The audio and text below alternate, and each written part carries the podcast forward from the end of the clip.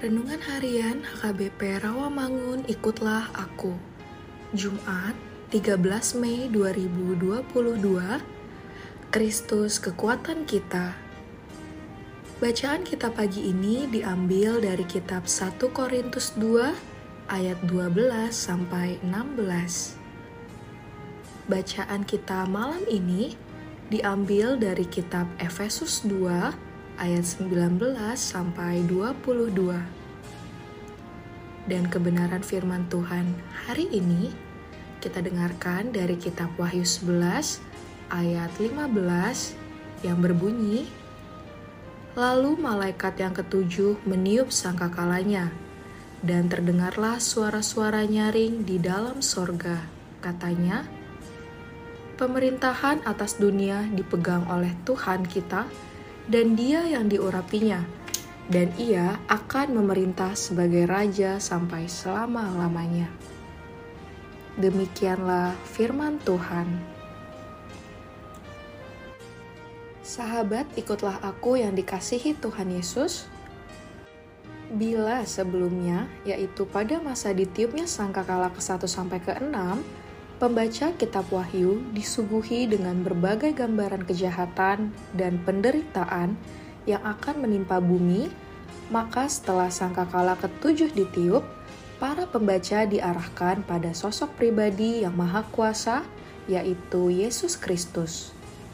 Sungguh menakjubkan karena terdengar suara-suara nyaring di surga yang memuliakan Kristus karena pemerintahannya 24 tua-tua yang duduk di hadapan Allah pun memuji-muji Allah yang memerintah sebagai raja, seperti yang tertulis di dalam ayat 16 sampai 18. Kemudian Yohanes melihat bait suci terbuka dan terlihatlah tabut perjanjian Allah.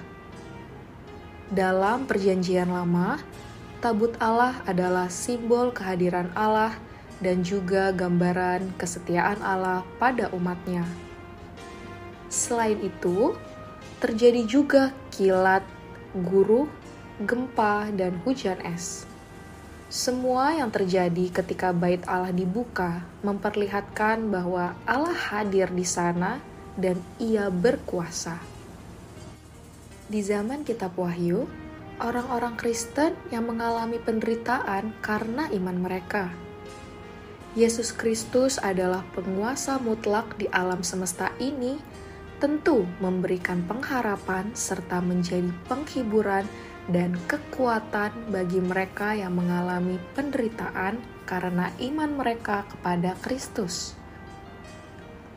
Pemahaman ini menguatkan kita dalam menjalani hidup dan melayani di tahun 2022. Mari kita tetap percayakan diri kita dalam perlindungannya karena ia setia menyertai kita di sepanjang tahun. Amin. Sahabat, ikutlah aku, marilah kita bersatu di dalam doa. Kristus adalah pemenang. Kami membangun iman atas dasar kebangkitanmu. Janji Tuhan tetap, pasti, dan terbukti menjadikan kami pemenang. Amin.